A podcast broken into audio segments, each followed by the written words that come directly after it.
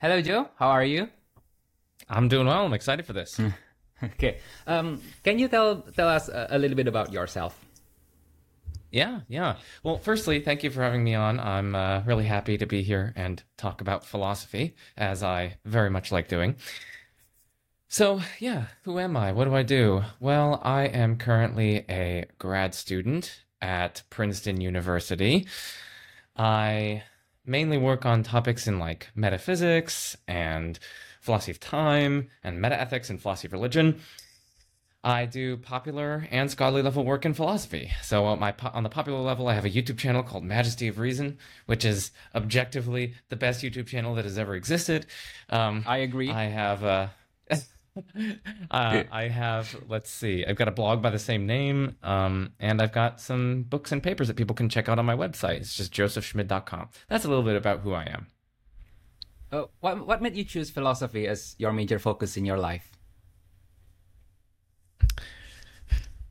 Good, good question. Uh, hard question. Let's see.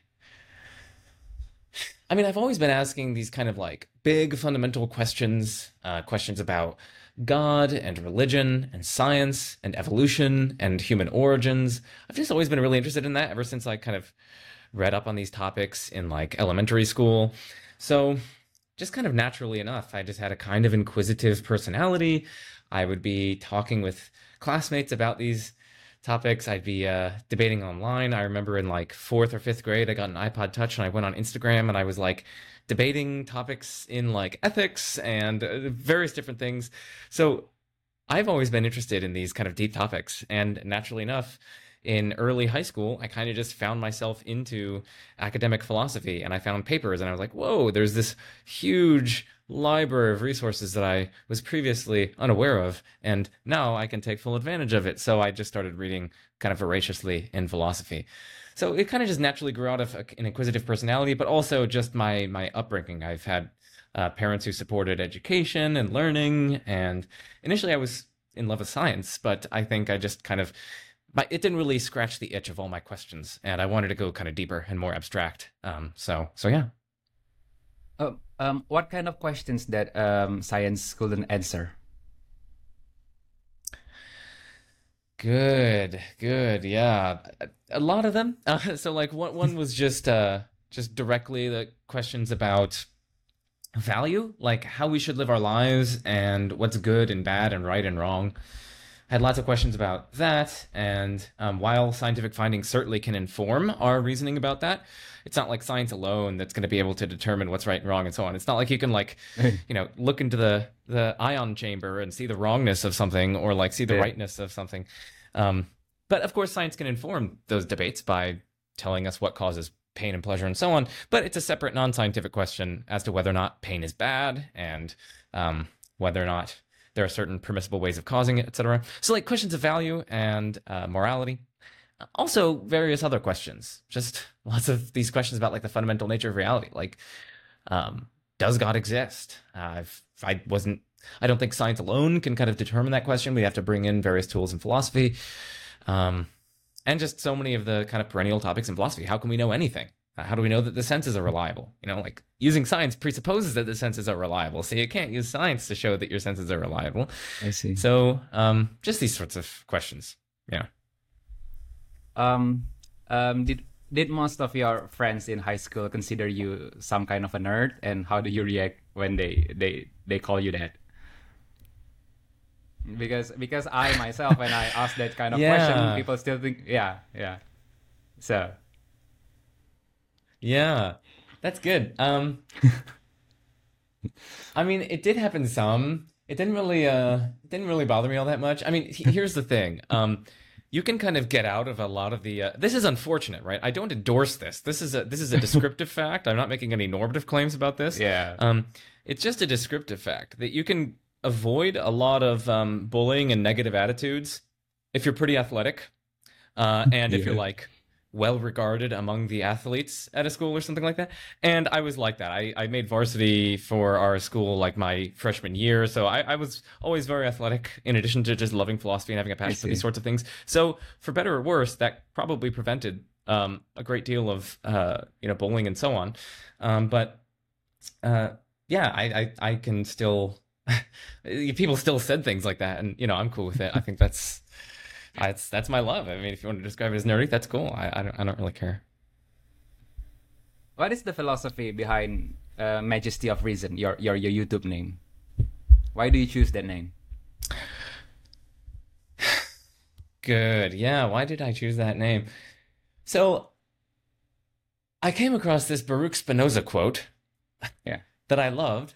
And the quote is What altar of refuge can a man find for himself when he commits treason against the majesty of reason? And it just stuck with me. I love that quote. Like what altar like there's no altar of refuge if you're if you're contravening reason, you know? It's like it's this it's this ideal that's kind of higher than me in some sense. Like the standards and principles of reason and logic and um inquiry and so on. It's these standards that are, yeah, in some sense, um, above me. I don't know. They're kind of like, in some manner, transcendent, and I don't mean any kind of spooky, kind of uh, divine Right. sense of that, but they're they're just deep values that I hold, and so um, there's these values of rational inquiry and intellectual virtue and just all these things encapsulated by reason. It's like the intellectual virtues, rigorous reasoning, um, rational reflection, informed dialogue, etc. So it speaks to my values. It's it's comes from a, a quote from a great philosopher, and um, it's a beautiful quote. I, I love it. So that's really behind it. It just kind of speaks to my values. So it's it's fair if I say that uh, the reason behind you choose that name is because it sounded cool. It sounded cool, firstly, and secondly, uh, it it's uh, yeah, it, it expresses me and, and what I'm after. You know, like my channel yeah. is not meant to be defending a particular tribe on this I see, landscape of warring factions. Instead, Yeah. I'm trying to help everyone reason better. You know, I'm just I'm trying to help each of the warring tribes. I hope they I wish they weren't at war, but yeah, I'm trying to help each of the warring tribes kind of think better, reason better, and just equip people with the tools of philosophy and critical thinking to kind of just sharpen their ideas and help everyone get to the truth. see. So um, the story behind uh, why did I found you in YouTube uh, was when you did a video collaboration with Stephen Woodford from Ra- Rationality Rules. Yeah, and then I was like, wow, this dude is can go to toe with uh, Stephen Woodford. And then when I saw your um, Arsenal um, banner in, behind you, and I get, wow, so this guy is is American, then and and he likes, you know, um, football. Sorry to say that because it's um, international thing. I'm not going to call it soccer for loyalty reason.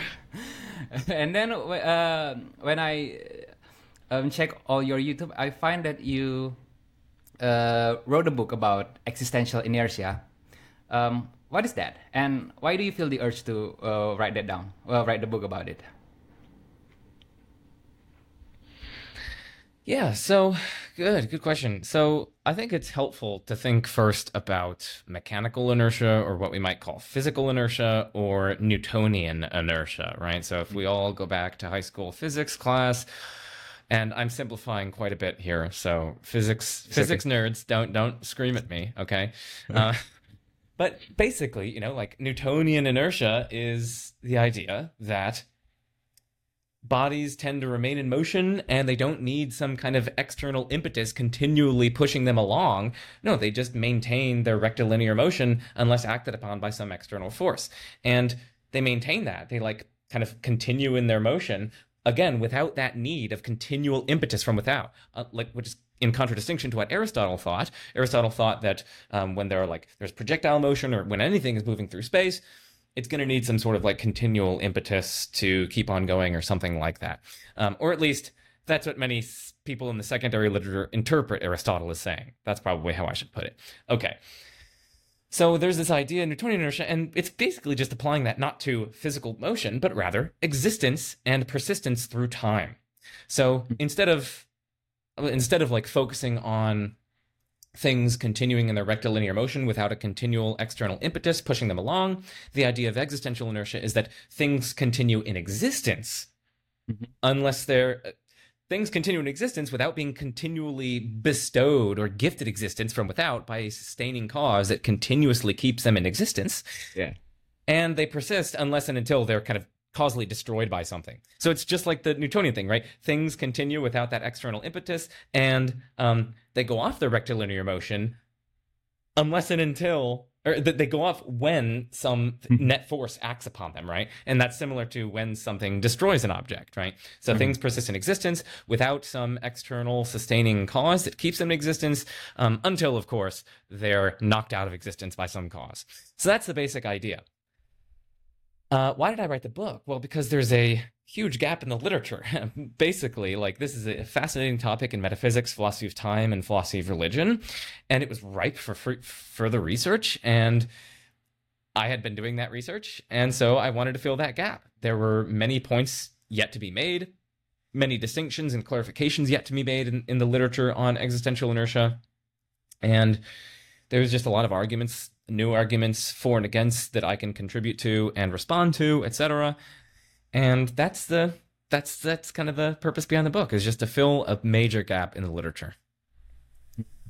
Yeah, I haven't read that book yet because uh, uh, is it available at Kindle? I, uh... Uh, were you asking if it's available in Kindle? Uh, I'm yeah. I'm not sure. I know the ebook. I know it can be bought as an ebook, but you might just have to use um, Springer's website.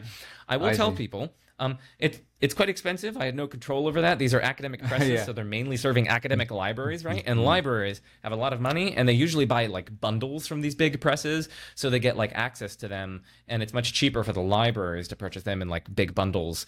So that's the main reason why it's very expensive. But if people, if it's prohibitive uh, and people can't afford it, they can always email me, and I I have ways to help them. So um, people, if you can't afford it, definitely reach out to me uh, via email.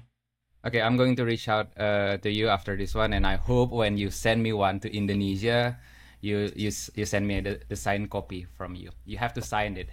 Joe Schmid to Fuad, whatever. yeah. Well, I can't promise. I can't promise people that I will personally send copies, but um, I'll just I'll just nebulously say that I have ways to help people. Basically, that that's that's the idea. Okay, um, okay. Um, it seemed to me that God is one of your most favorite topic in philosophy. I, I see you even published a, a video about God arguments um, around 11 hours length. That's that's quite um, amazing. And then you, you spend another one hour and a half talking about Kalam arguments. Why? Yeah, great. I just there are many uh, there are many ways I could answer that why question. One is a kind of um kind of just personal historical thing, and another one is like giving you interesting like reasons that justify the study of uh, religion and God and philosophy of religion. So I'll kind of go both of them. Um, the kind of personal historical reasons are that you know I was brought up in a very devout religious home, and so my upbringing is very much tied to a particular religious tradition, and I also went to um, private schools that educated me further in that that religious tradition, and I had theology classes and so on. So like my mind has been immersed in all these like theological topics about religion and God and so on from a very early age, and naturally enough, I just was really interested in that. Uh, it's something that I'm super passionate about, and it kind of Im- imbues my life in various ways. So that's the kind of personal historical reason why I'm interested in philosophy of religion. Um, but I also think that there are lots of like good reasons to study philosophy of religion. Firstly, it's just incredibly important, I think. I think it's quite significant whether or not there's like this perfectly good, all powerful, omniscient being at the foundation of reality. Um, that can affect our lives in various ways. Um, it has a has an effect on what we think about the character of reality. It has an effect, you know, it, it might give people hope or lack of hope for an afterlife. Who knows? Um, so it's really significant, really important, I think. Secondly, um, religion is just such a huge part of, of human life and interpersonal relations, and it has huge impacts on politics and society. So. I think it's therefore in our interest to have something to say about religion and have intelligent things to say and what clear, well thought out uh, answers to a lot of these questions. And just being able to think critically about these topics will help us in our kind of uh, political dealings with religion and uh, the social side of religion, etc. So there's that. Um, and it's, uh, yeah, I, I, guess those are the ma- main things. It matters. It's significant, not only for ourselves, but also for politics and society and culture at large. So, yeah. Um, what is your favorite arguments about uh, for God? yeah, for God's existence. I mean, favorite. Favorite is an interesting Yeah. word, isn't it? Uh, yeah. that we could I could interpret that as like um what are what do I think are the most plausible? Or I could interpret like what do I think are the most I guess like raise the most interesting philosophical questions the most that I love thinking about most? Like cuz you know those can those can come apart. Um I guess the ones that I love thinking about most are I mean, the one that I love thinking about most is probably uh, the Kalam cosmological argument, just because it raises so many fascinating questions in philosophy of time, in um, the metaphysics of infinity, um, even abstract objects, because that comes into the debate about whether or not there are actual infinites or whether or not there can be actual infinites. So, like, there are just so many fascinating dimensions of the Kalam. Oh, the nature of causation. Um, just the like, it brings in metaphysics and all these different areas of philosophy that I absolutely love. So that's probably my favorite one to talk about. Um, as for what I find most plausible, uh, it'd probably be something like a contingency argument, um, some version of it. I don't know, uh, something to the like that that Josh Rasmussen and Alexander Pruss have defended uh, quite ably. So just something along the lines of, hey, there are things around us which are such that they could have failed to exist. We call those things contingent things, right? So here's Yeah. here's a contingent thing, or you know, mo- most of the things you look around uh, are contingent, Yeah. like they could have failed to exist. Um, and seems a lot of people find it plausible, as I do, that um, contingent things require some kind of explanation. Um, that's supported very much supported by our universal experience, and um, it just seems intuitively plausible to me, at least. And so then we have these principles that um, there are contingent things around us, and contingent things require an explanation. We'll now focus on the collection of all the contingent things that there are. Per our principle that contingent things require an explanation, that collection is going to have to have an explanation, but you can't explain why there are why there are those contingent things in terms of some of those contingent things. That's part of the very thing we're seeking an explanation of. It's kind of like a circular explanation, and those are no good. So then, um, plausibly, we have to appeal to some necessary thing to explain why there are contingent things, and so that's basically the the argument from contingency. Now, people go on to try to say, "Yeah, that must be God." I'm not really convinced by that that second stage of reasoning, but at least at least the first stage is is uh, I find it like reasonable. I'm like sympathetic to it. I don't say that you know these are like knockdown. Uh, that this is a knockdown argument or anything like that, of course. Um, uh, and I don't even think the the Kalam, for instance, I don't think the Kalam succeeds, but it's I, I just love thinking about it. I see. If God do exist, uh, what do you think God would look like? This is just a hypothetical Interesting. question. What would God look like? yeah. Yeah. Yeah. I mean, it sort of depends on our concept of God, to be honest. Um, I mean, like, there's this traditional concept of God where, um, you know, God, God doesn't have a body. You know, he, he's immaterial. He's non-physical. He's kind of a pure spirit, as it were. Um, he's just kind of like um, an all-powerful, all-good, all-knowing, supreme, foundational, unlimited mind. Uh, that that's what God is, and Yeah. uh, presumably that doesn't really look like anything. Um, so uh, Yeah. I, I would say uh, the uh, the question embeds a presupposition that God would look like something, and God wouldn't look like anything. Now that's under that concept of God, right? There are other concepts of God on which God might look like something. So like Mormons. Um, have have a concept of, of God or maybe gods. I'm not quite sure. Um, but I think they're like something like physical beings. I've heard some people say that they're made of like spiritual matter or something like that. But like presumably they would be physical, uh, or excuse me, presumably they would be visible. Um, it- so what would they look like? I don't know. Um, uh, so so yeah, it sort of my answer is that it depends on our concept of God. Okay. Um, I saw I saw you engage in many discussion and, and debates with uh, many fellow philosophers, scientists, and sometimes theologians. Um, who whom you enjoy engage the most and why? Uh, Is I it okay if I ask you that? Yeah, yeah. I mean, I smile. Um, so you know, my picking out one person and saying this of this person should not be taken as you know, uh, Favoritism. downplaying other people's merits or anything like that. This is not to say that I don't enjoy discussions with other people, but there is one person with whom I vibe very well, and uh, I just love the way that he thinks and the way that he interacts with people, and it's of course. Josh Rasmussen, or uh, you know, to people see. formal, it's Doctor Josh Rasmussen. Um, yes, uh, he, he's he's so wonderful. He's so great. Um, I recommend everyone to check out his work.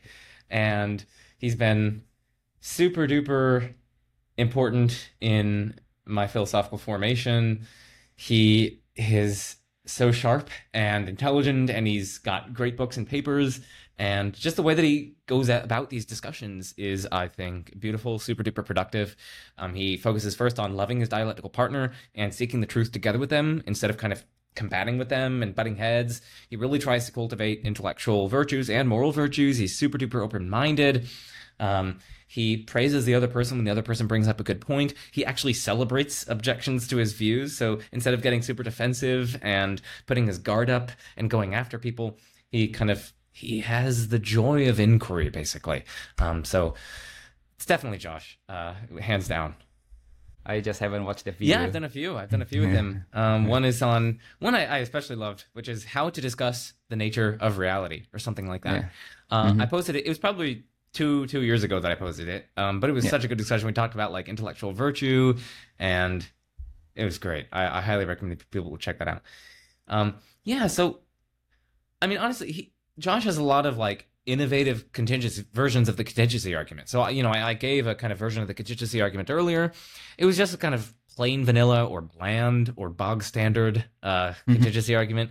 But there are many different versions of the contingency argument. And some of them get kind of technical and fancy, and they use really like new and innovative developments in um, modal logic and philosophy of religion and so on. So um, I think it's got to be some of his work on contingency arguments. Um, because it's just so innovative and it's using lots of the contemporary tools of like modal logic um, and you know, they're like that. He makes cases that I'm I'm sympathetic with in that regard. So so yeah. I mean, that's not to say that you know I always agree with Josh. I mean, I've got yeah. um, at least one paper where I directly go after one of his arguments, and I'm like, this argument doesn't work, and I criticize it. Uh, for people who are interested, that paper is called um, uh, cosmological arguments and branching actualism. No, I think it's the other way around. I think it's called branching actualism and cosmological arguments. Um, so you know, it's not to say that I, I agree with everything that he writes in this area, but like it's it's refreshingly innovative and um, you know like reasonable. Um, and yeah, I love thinking about it. Um, is there any practical utility um, uh, if people mastering the philosophy of God? I, I think um, learning philosophy by itself is not really that practical. um, but philosophy of God, in the other hand, I mean, it's more more impractical in my opinion. But what do you think about that? Is there any practical utility? Yeah, I mean, it sort of depends on your interests and goals. I mean, as as lots of like practical utility stuff does. Um, I mean, I think philosophy more generally. Firstly, so like what what's true of philosophy more generally is also going to be true of philosophy of religion specifically. But I think philosophy more generally has lots of practical utility. Um, I mean, there are lots of personal intellectual benefits that philosophy cultivates, right? I mean, like critical thinking skills, better abilities to detect BS. Um, significantly improving your analytical reading and writing if you take like courses in this at the university and especially graduate level. Um, being able to parse difficult texts and formulate and assess the reasoning contained in various arguments, seeing whether people's conclusions actually follow from the premises so that you don't get taken in by a pyramid scheme, say. Um, pinpointing underlying or implicit assumptions, you know, making distinctions that clarify and precisify debates. I think all of this is is super duper practically useful in tons of different um, uh, jobs that you might have. Uh, it, it's super helpful for the LSAT, GRE, and things like that. In fact, philosophy majors. Um, uh, very, it's well known that philosophy majors score exceptionally well on the LSAT, GRE, and things like that. But I think it's precisely because philosophy helps cultivate lots of these skills that are tested on these sorts of things. Um, philosophy better and helps better inform our like political and moral views, right? Um, like whether or not we should have democratic societies. Uh, you know, why we think that everyone should be treated equally under the law and so on. You know, like that's based on various moral principles, and that's in the domain of moral philosophy, right? Again, like science, you're not going to be able to like test whether or not everyone has equal inherent worth and dignity or something. Um, so yeah, I think that there are lots of um, lots of benefits uh, from philosophy, and, and historically, uh, a lot of the the main branches of science and other disciplines have branched off from philosophy. Philosophy is the sort of progenitor for disciplines. Once yeah. uh, philosophers of the past have gotten clear on a set of methods and questions and tools to investigate those those questions, the field kind of buds off from philosophy and becomes its own discipline. Happened with psychology. Uh, it's happened with economics. It's even happened with science, right? Science used to be natural philosophy, etc. Yeah. So I think philosophy has lots of practical utility, and a lot, a lot of this is going to apply to philosophy of religion. Now, philosophy of religion specifically also has lots of practical practical utility for precisely the reasons that I was mentioning earlier, right? Uh, religion is a huge part of human life, and Yeah. As a result, I, I don't know, I think it serves our interests to basically be able to say some intelligent, competent things about religion and religious beliefs and so on. So, um, I think I think there are lots of practical benefits here. So, um, when I was get myself into uh, philosophy, so I, I too came from a very religious um, upbringing. My parents were extremely extremely religious, and when I shown them and my and, to my community that I have interest in uh, philosophy, especially metaphysics and philosophy of religion and God, um, they start to um, see me like some kind of a weirdo. um, and and they thought that a philosophy, especially when you and when when we questioning God, uh, could make us, you know, this is a very very Eastern way of thinking, could make us become crazy, insane, if you will. Um, and I felt uh, back then I felt like kind of bullied in some sense because oh look at Fuad he's he's becoming he's slowly becoming an atheist um, and and therefore he's crazy because that's that's how most of Eastern people think about uh, religion and religi- uh, irreligiousness. So um, what I try to inform them and most of uh, people in Indonesia especially is that when we try to uh, convince people about thinking philosophically about everything, because I think philosophy is the art of questioning things, in my own words, um, it will be in the end beneficial for us, and it has its practical purposes. Uh, most of people in Indonesia, when talk about philosophy, they they always ask something about its practicality.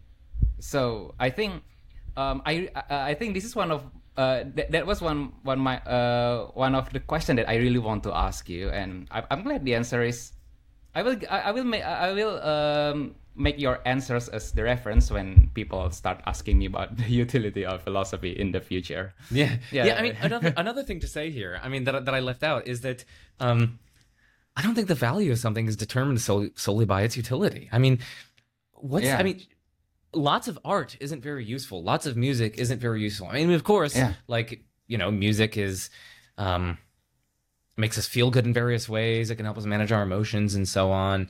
Um, but like. Still, a lot of art and, and music isn't as practically useful as, for instance, you know, like um, what like a, a metropolitan city you know like that can get a lot Yeah. done and that can affect the economy and so on like that that's very practically useful to have those sorts of things like new york city etc um, but like a lot of the arts a lot of the things that just make life worth living are not super duper practically useful. So even if philosophy doesn't have practical utility um, in my view it's just profoundly valuable in itself. And um, it, if people don't see that yet, I just invite them to kind of delve into it and, and see it for themselves. And it's I think it's just part of like a good life and part of a life worth living is to, is to examine these these fundamental questions like who are we and why are we here? And um, you know is there a God? Can I know this God? Can I relate to this God? Um, what's you know like what's going on around us? Like it's basically um, I think it's an intrinsically valuable pursuit and it contributes to the good life, even if, even if it doesn't have significant practical utility. But as I said, I don't think that that conditional clay, I don't think the antecedent of that conditional is even true. I think it does have significant practical utility. It makes you a, a much clearer thinker, makes you a much better thinker, allows you to uh, pinpoint underlying assumptions of arguments, uh, see whether or not someone's conclusion follows, evaluate their logic and their reasoning, and um, just helps you get more true beliefs and have less false beliefs. And who doesn't want that? Yeah, yeah, um, yeah. Um, Indonesian culture is um, um, very quite quite very focused in always focused in practicality. Uh, back then, when I start my own YouTube channel, um, most people asked is, um, how how will this uh, channel benefit you in terms of financial? and, and that's quite um, that's quite frustrating to me because I really want to do it for my own sake. I want to feel a lot better about myself. I want to engage in um, um, I want to become a better communicator in my for my own sake. Um, yeah, people something along the line of um, it's how would it actually makes money. Um, to be honest, all I want is if if um, if this channel give benefit to people, the benefit that I want to give them is to inform about about things, especially in philosophy. I, I don't really care about uh, having a lot of money because of this channel. I don't think that's that's ever become my my own goal. So yeah, that's that's it. I think that makes yeah, I think that makes so much sense. And I mean like people pick up the piano and start to learn some beautiful songs. And you know Yeah. like they're not a professional musician. You're not going to make money off that. Why are you doing that? Well i mean like listen this is contributing to my flourishing. This is it's bringing value to me and the few around me who are listening and enjoying the music even if i don't make much money off of it. It's still bringing value to the world and to me and my life and my friends and so on you could say the same thing about your youtube channel. It's bringing value to you. It's helping you grow in your intellectual capacities and uh, grow in your uh, ability to abilities to communicate. And it's also helping the people who are listening. Even if it's not the whole world listening but still you're bringing value to the lives of people who are listening. You're helping them think better. You're helping them think more critically and carefully and cautiously about the fundamental nature of reality. And you're thereby helping them to flourish in various ways as well. So um, yeah I, I, I'm, I'm totally with you there Okay. Um, next question. Stephen Hawking said something along the line of philosophy is dead. Yeah. Have you ever heard of it? Um, yeah, he, he said that. I believe he said that. Um, and, and and that kind of sentiment is mirrored by um, think so, Steven yes. Weinberg. Yeah, Steven Weinberg. Um, I think Steven Wein- Weinberg is quite despised philosophy. Um, as a philosopher, how do you rebut that? Yeah, so I mean, philosophy is dead. So I mean, one thing to say here, right? One thing to say here is that um, it's not exactly clear what exactly they're saying that philosophy is dead. I mean, are they saying as a discipline that it's dead, that it's not going? I mean, and just empirically speaking, that's false. There are people doing philosophy as a discipline, right? So it's certainly not dead in that sense. Okay, then that's probably not the sense in which he meant it. Okay, well then what is the sense in which he meant it? Like. Uh, we need we need a clearer statement of the the view here. Presumably, is saying something like, philosophy can't contribute to knowledge and only science can do that or something like that. I think that's really the sentiment that's driving um, these guys in, in saying this. And um, I think the best thing to say there is like, that's a cool philosophical statement, bro. Can you justify it? And of course, Yeah. they, they would have to they'd have to use philosophy to justify that, right? Um, Yeah. science alone certainly can't show us that science alone is the, the only path to knowledge right you're, you're Yeah. never going to be able to look into like a test tube and like somehow be able to conclude ah yes the scientific method is the only way that we can come to have knowledge like no that's a claim about the conditions under which we can gain knowledge that has to do with the study of knowledge epistemology episteme means knowledge ology Yeah. means the study of Epistemology is the study of knowledge. That's a branch of philosophy. So if you're making a claim about the conditions under which we can know something, or um, the, the conditions of, uh, yeah, basically just the conditions of knowledge, then you're making an epistemological claim, and you're going to have to roll up your sleeves and do some philosophy in order to establish that. So I think they're sort of shooting themselves in the foot when they make this claim, because the the claim itself cannot be shown scientifically. They're going to have to try to wield philosophical arguments on its behalf. Uh, in which case. They're mistaken in their own their own claim that, that philosophy I cannot agree produce with you. knowledge by their own lights. Yeah. Um, Yeah. So so yeah. yeah. Is there any part of philosophy that you're not um you're, you're not really good at? Do and do you do you plan to improve? Um, for me, I'm not really good at uh, moral philosophy. How about you?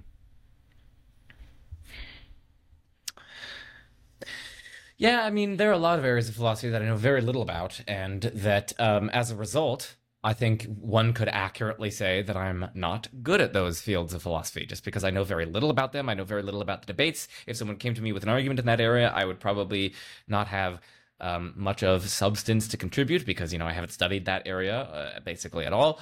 Um, and that's sort of just inevitably the case for most, for most philosophers, in fact, because it's such a ginormous field. It is an amazingly ginormous and varied uh, and multifarious, uh, multifaceted field, and so you can't you can't be an expert in everything in it.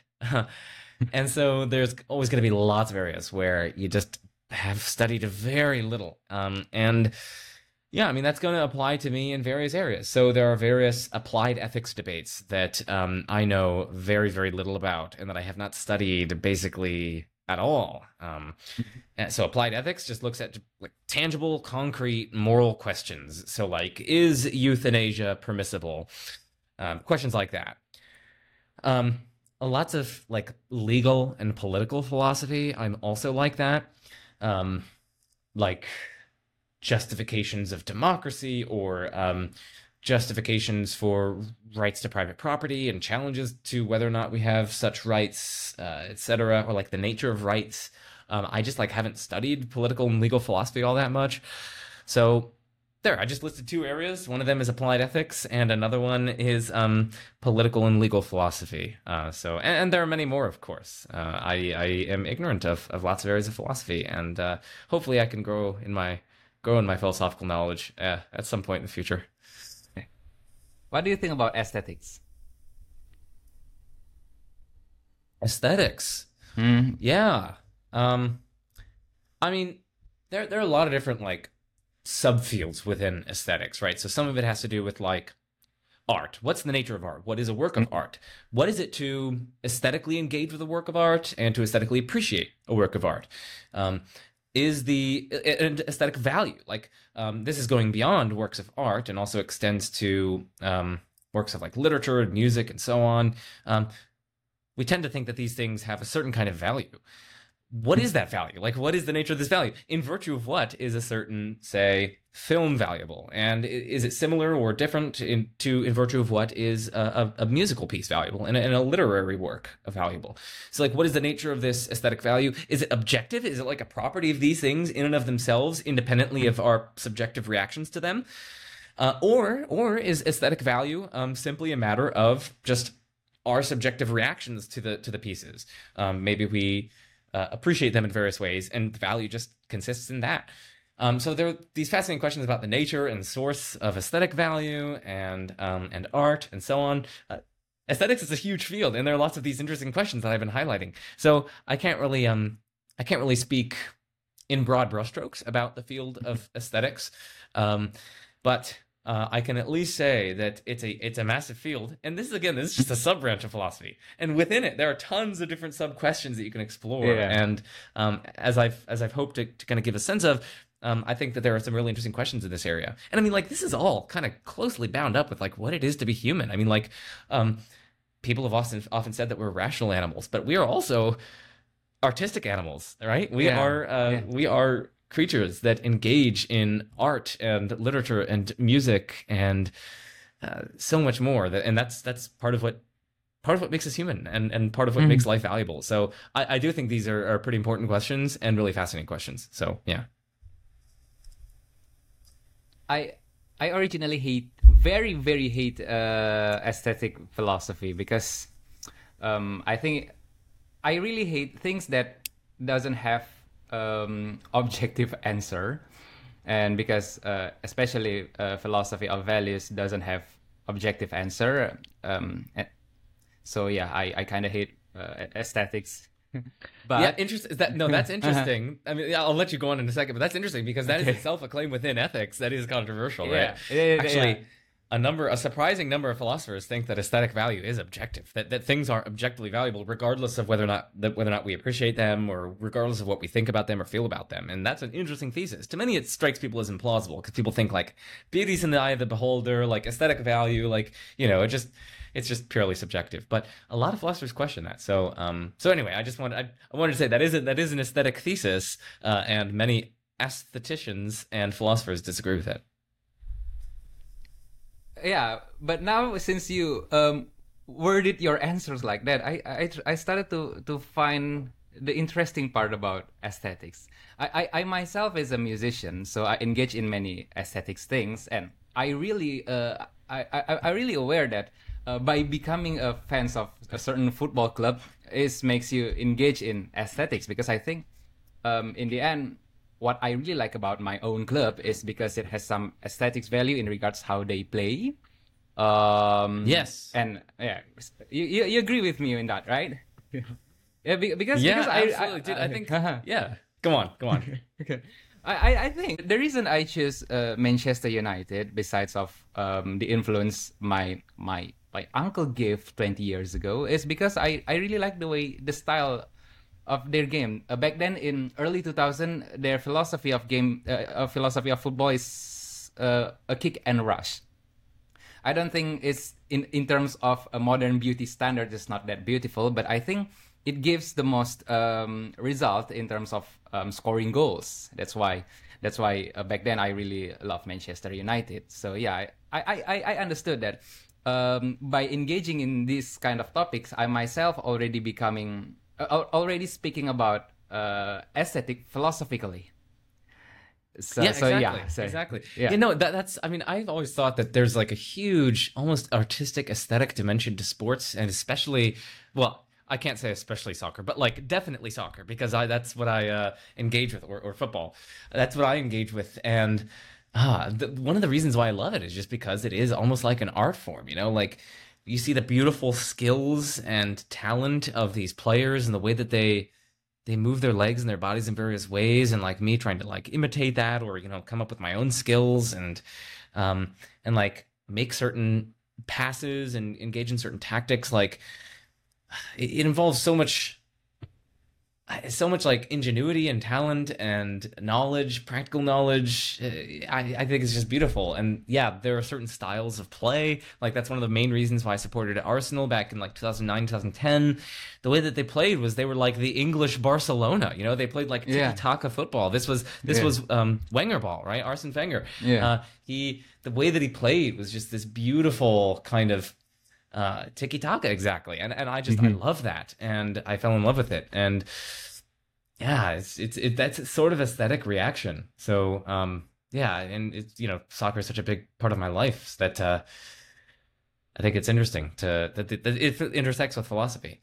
It, it's surprising that I haven't done work in like philosophy of sports and so on, yeah. but um, I guess you know you can't you can't specialize in everything. Uh, that, that's what yeah. I will say. You can't specialize in mm-hmm. everything, and uh, I've, I just, yeah, it's too difficult. Mm.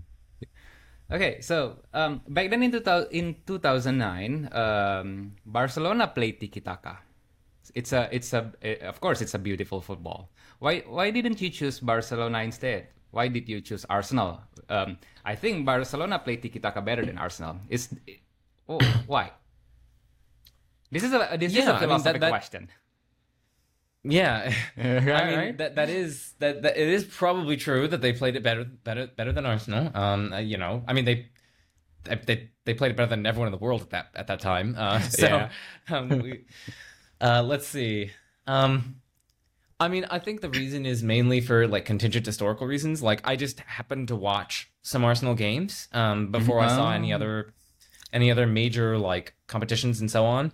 Um, and that's that's probably the main reason. It's just I kind of came across them, um, and I, I mean, there is the uh, you know like at least here, like the Premier League is played on TVs way more than any other league. Like I can't even find like League One and Serie A on yeah. TV, um, mm-hmm. and occasionally I will find La Liga on TV. Yeah. Uh, but the Premier League is always on, and so um, I think that's probably another reason, which is just like again, I've just been fed the Premier League from a very young age, and um, I I just fell in love with Arsenal. So so yeah. So you believe that there's no free will in you deciding to become Arsenal fan? there may have been, but our, our free will is indeed shaped by our uh, circumstances, right? Yeah, so, like, yeah. um, if you're presenting me with only chocolate and vanilla cake, you know, I'm only going to be able to choose chocolate or vanilla. Whereas in different circumstances, you you, you know, you presented me with chocolate, vanilla, strawberry, red velvet, etc. Um, I was not so limited, and so I could have chosen differently than those two. Even though on both occasions I still had free will, right? So, um, but yeah, it's an interesting question. To what extent uh, free will is implicated in like uh, favoriting, uh, you know, like choosing a favorite team or like a favorite uh, artwork or you know, like things like that. That's an interesting question. Yeah. Okay. Um, I have two uh, um, two final questions. Um, the first one is, in your opinion, what are the qualities that make a philosopher good or great, even? Wow. Yeah. Um, Yeah. Uh, tough question. Uh, I, I, certainly can't give a comprehensive list, but I, I, can I can give some qualities that I think make for a good philosopher. So, firstly, in terms of uh, there are kind of two dimensions of it. One is in terms of their work and their research and so on, and the other is in terms of uh, kind of character traits. Okay, so I'll start with the work. Uh, so in terms of their work, um, a good philosopher will be incredibly clear. They will be precise. They'll be rigorous, rigorous when rigor is called for. They will, um, they'll be innovative. You know, they'll kind of advance our knowledge, our philosophical knowledge. Um, they'll be relevant. You know, they're not just like looking at some totally irrelevant, totally uninteresting philosophical problem, but instead they'll make innovative, fascinating progress on a topic of, of interest, of relevance. Um, so yeah, clear, precise. It's cogently argued. Their work is cogently argued. They consider objections. They um, they make distinctions. They uh, don't strawman their opponents. They um, they give reasons in support of their view instead of just asserting things, right? Uh, and, and, cogent reasons, forceful reasons, reasons that really pull on you. Um, and they challenge assumptions. You know, they're not just willing to take for granted what everyone else takes for granted. They're actually willing to challenge um, and and question things. So it's all those sorts of things: clarity, precision, uh, a kind of questioning character, uh, innovative, etc. That all characterizes their work. I think uh, that's the work of a good philosopher. Um, what about uh, the, the kind of the person? Well, a good philosopher, I think, is going to have both moral and intellectual virtues.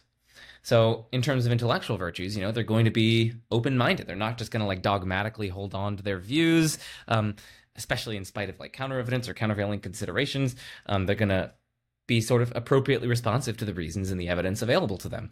So, they're going to be open minded. They're not going to be dogmatic. They are going to have a flaming love for truth, right? They're going to put truth center stage rather than status or um, your own tribe or pride or anything like that. So they're going to put truth center stage. They have a love of truth. They're also intellectually humble, right? So they don't think too highly of themselves and their own abilities. They're aware that um, people very often can reasonably disagree with their conclusions and um, you know they have the kind of appropriate modesty and humility to recognize their own limitations recognize where they may not know something or where they need more justification or they need to research something further. They're going to say that and they're going to own up to that. Um, intellectual curiosity right? I think philosophers are, are curious. A good philosopher is is is a curious person. They are curious about just the fundamental nature of reality and our epistemic access to it and how to live well within it and so on. Um, and they're they have kind of intellectual perseverance as well, right? They're not just going to take the easy road, the easy answers. They're not just going to take someone's word just because they said it. They want to see the reasons. They want to do the legwork. They want to be able to see things for themselves and to, and to reason through them and, and sort of to equip themselves with reasons and justifications for their views instead of just taking people's word for it and just going with the flow. Um, so I think that's the kind of intellectual virtue side of a good philosopher. And a good philosopher also has moral virtue, right? So a good philosopher loves their dialectical partners instead of kind of alienates them. And a good philosopher tries to build bridges between warring factions and tribes. You know, they're not tribalistic. They're not um, thinking people who disagree with them are, are stupid or irrational and uh, are demonic and, and, you know, should be avoided at all costs. Um, a good philosopher instead loves people who disagree with them. They rejoice in seeing objections and criticisms to their view because it's an opportunity to to discover more truth, right? And that goes back to their love mm-hmm. of truth. So yeah, a good people treats other people well and they love other people and they love truth. So yeah, a good philosopher's work has all those qualities. Um, they basically have exceptional work, and they also have exceptional character traits, both along the dimensions of intellectual virtue and moral virtue. I think that's what makes a good philosopher. Okay. Oh, that's that's a very beautiful answer, Joe. I I, really like that that answer. Okay. Um, Thank you. um, the last question. Um, so so I have I have my own philosophical idea um, I would like you to um, criticize or maybe comment on on the quote uh, within my idea. So I said this: the difference between philosophy and science is philosophy asks and science answers. If science managed to answer the question philosophy asked, then philosophy asks another question for science to again answer. What, do you, what, what is your opinion about about that?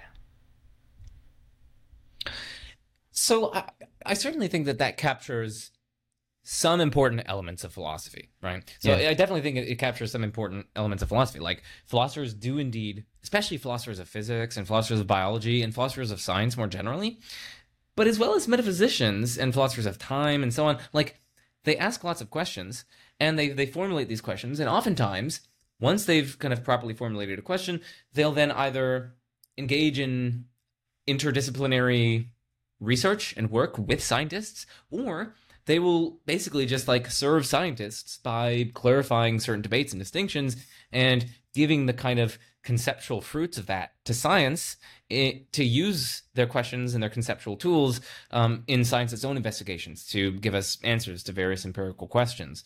So, what you said does capture like a good deal of philosophy.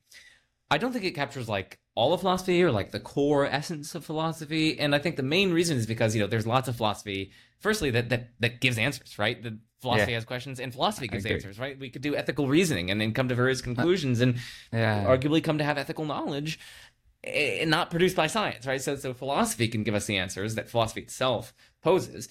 Um, and also, um, I think, yeah, like there are lots of philosophical questions that science in principle can't answer, you know, the ones that we were going through earlier on in our discussion. So, um, I do think what you said again captures like a good deal of, of philosophy, and that's that's good about it. But also, it, I think it leaves out a lot of elements of philosophy as well. So, uh, Yeah. and, and we should we should keep those elements in mind. yeah, I just realized that uh, my quote that uh, that my quote there um, um, pretty much inspired by Sam Harris with his objective morality idea. yeah, I have, to, I have to be I have to be aware about whom whom inspired me. Yeah, th- th- thank you, Jay. Thank you, Jay. I, I, this is the very first time that people uh, actually um, criticizes or commenting on my ideas because it's really hard to find people here in Indonesia that um, could engage in such discussion. Now, before we finish the the podcast, do you have anything to say to Indonesian audience? Perhaps maybe you want to tell them about your channel and your books, maybe. Sure. Yeah. I mean, again, thank you for having me on. It was a, a lovely discussion, and um, I hope the audience could gain something from this, and that they can Yeah. see value in philosophy, and that it can kind of inspire them to uh, pick up a philosophy book or something like that. So. I think they will uh, enjoy my YouTube channel, of course. As I said at the beginning, it's the objectively the best YouTube channel that has ever existed. So Again, I there's agree. that. Uh, yeah. so um it's called majesty of reason and what i do on there is i basically just i do two main things i host discussions between philosophers and i also make lecture videos of my own that's the two main things that i do and it mainly has to do with philosophy of religion and apologetics and counter-apologetics and so on but it also i also dip into epistemology metaethics uh, metaphysics, philosophy of time, uh, lots of different areas of philosophy on there that I go over. Um, I guess of particular relevance to what we talked about today would be my playlist Doing Philosophy, right? So they could just go to Majesty of Reason, my YouTube channel, and then click on the little playlist button, and it'll show them all these mm-hmm. cool playlists that I have on these various philosophical topics. And one of them is Doing Philosophy. And therein, I explain what philosophy is, how to do it well. I give lots of book recommendations for like beginners, like how do how do I get into philosophy? How do I learn better? How do I improve my philosophical thinking and reasoning and so on? I go through all that in in that playlist. So um, I guess one one episode in particular that I think people would appreciate, and it has lots of um, resources at the end. In fact, two that I will mention. First one is my video, "What is Philosophy." That has lots of recommendations. And then the second one, one of my favorite videos on my channel, is called How to Analyze Arguments Like a Philosopher. So those are two that I'd recommend people to check out. And um, yeah, as for my books, my first book was um, self published through Kindle Direct Publishing. It's called The Majesty of Reason A Short Guide to Critical Thinking and Philosophy. And therein, I basically just try to give people tangible tools to have productive, love oriented, truth oriented uh, exchanges and conversations about philosophical topics, as well as giving them a kind of basic intro to philosophical reasoning and critical thinking in the context of philosophy. So, um, yeah, there's that. That's my first book, very cheap on Amazon. Um, my second book is published with an academic press, so as I said, it's going to be a lot, a lot more expensive. It was peer reviewed, went through all that whole process. Uh, it is called Existential Inertia and Classical Theistic Proofs. Uh, it is a work in philosophy of religion and metaphysics and philosophy of time. We talk about existential inertia and how it relates to various alleged proofs of God's existence. So, uh, and and we're we're critical of the proofs. We think that. Um, yeah, we, we think they don't succeed. But um, so, but yeah, people people check those out if, if you're interested. Um, you can find that you can find links to both of those on my website, and you can find them if you look them up. And again, I know the uh, existential inertia in classical theistic proofs book is expensive, so um, if you are unable to afford it, you can email me, and I have ways to help you. So so yeah. Okay, okay, Joe from Majesty of Reason. Thank you very much. Thank you.